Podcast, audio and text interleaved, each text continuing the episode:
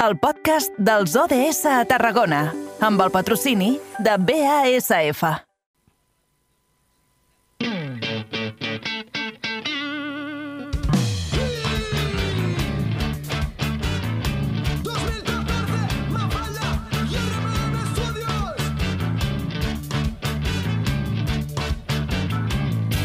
I com els hi dèiem en l'inici, encetarem la darrera hora parlant sobre els ODS, els Objectius de Desenvolupament Sostenible. Avui ens centrarem en l'ODS número 12, que ens parla de producció i consum responsable. I com cada 15 dies ho farem acompanyats de l'associació La Farigola. Concretament, avui parlem de la recollida de residus i com pot beneficiar el nostre consum de proximitat. Per això saludem ja a la nostra convidada. Ella és la Montse Rull, una de les fundadores de la Farigola. Bona tarda i benvinguda. Hola, bona tarda, Angi. Què tal? Em sentiu bé? Sí, sí, sí, tot perfecte. Montse, des de ja fa molt de temps que estem parlant que és important no embrutar els nostres paisatges, els nostres entorns naturals, però per fer-nos un breu resum i anar entrant en matèria, eh, com treballeu des de la Farigola aquesta tasca? Doncs, doncs mira, bàsicament, eh, eh, mitjançant la conscienciació. O sigui, una, una de les nostres potes és eh, fer pedagogia i divulgació no? de, uh -huh. de, de, de tot aquest tipus de, de temes i principalment quan, un, quan una persona ens pregunta què feu i què s'ha de fer per formar part de la Farigola, doncs els expliquem no, quins són els nostres principis i bàsicament al final totes les persones que s'hi adhereixen ja venen amb una mentalitat molt, molt conscienciada, no? Però, clar, malauradament no tothom té el mateix eh, nivell de conscienciació i una de les raons per les quals ens vam, vam, ens vam associar era per fer més, més força i poder treballar d'una manera més intensa tots aquests temes no? de, de la conscienciació sobretot i fent molta divulgació.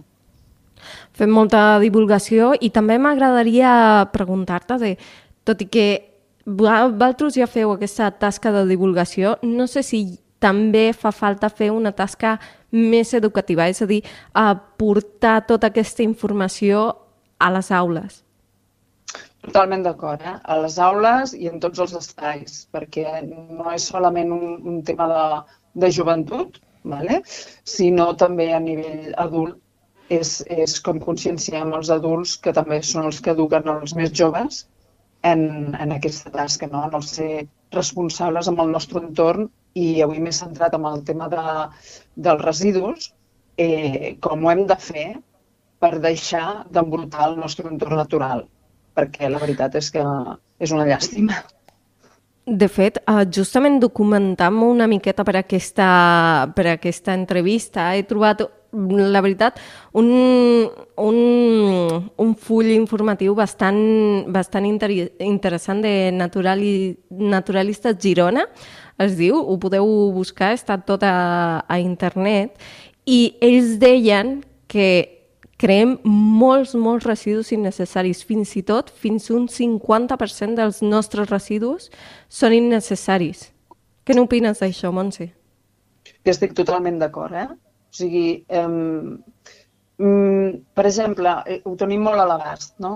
Te'n vas a, a qualsevol supermercat i, i quantes coses hi ha que realment porten un embolcall, per exemple, de plàstic, que és totalment innecessari, no?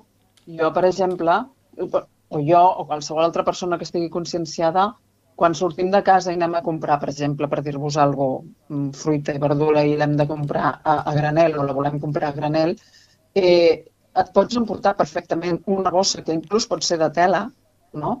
i a dintre pots barrejar totes les fruites, tot i que després mm, utilitzis diferents líquids de compra que, que que, que et marquen el preu de cada, de cada tipus de, de fruita o de verdura o de lo que sigui, no?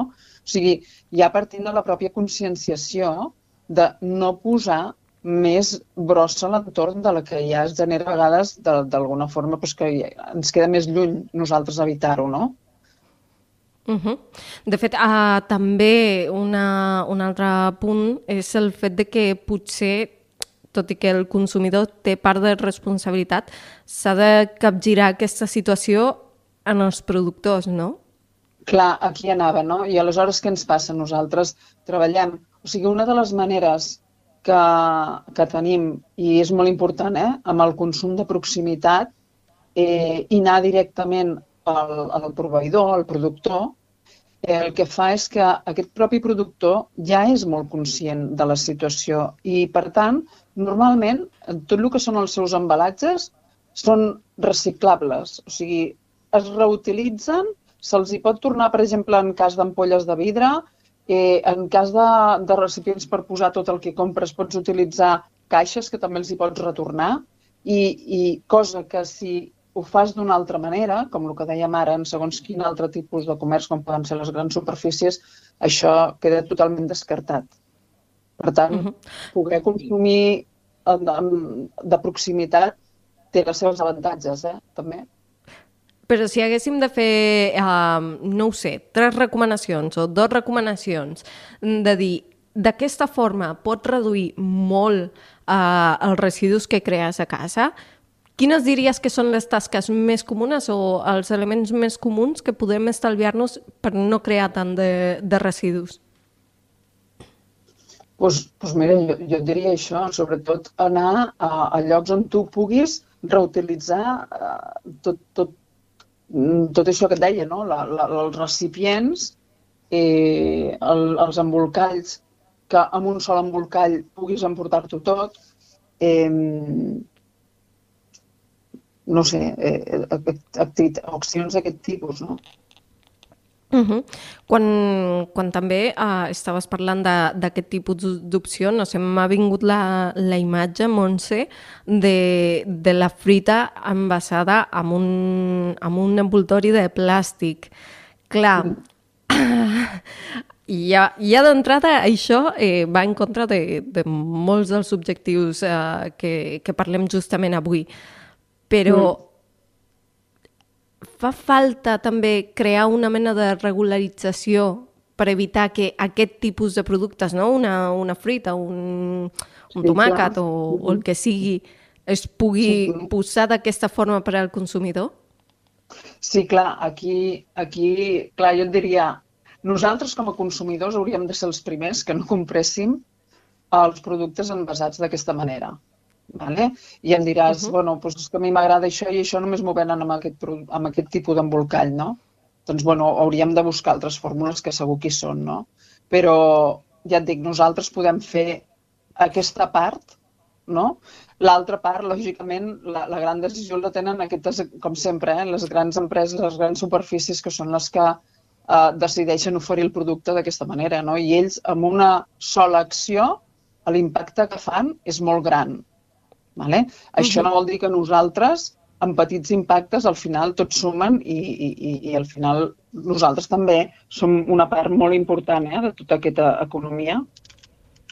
I, de fet, aquesta és una de les grans importàncies que tenen uh, associacions com la vostra, perquè mm, el consumidor, al final, no té coneixement d'aquesta part més uh, sostenible i encara falta fer, mm. crear una mica d'educació de, envers això, però sí. des de la farigola vosaltres oferiu aquesta, no ho sé, eh? per exemple, posava sí. aquest, aquest díptic de, de naturalistes Girona, però no sé si vosaltres també oferiu aquest tipus de material més informatiu per tothom que estigui a la guai o que vulgui uh, aprendre sobre això.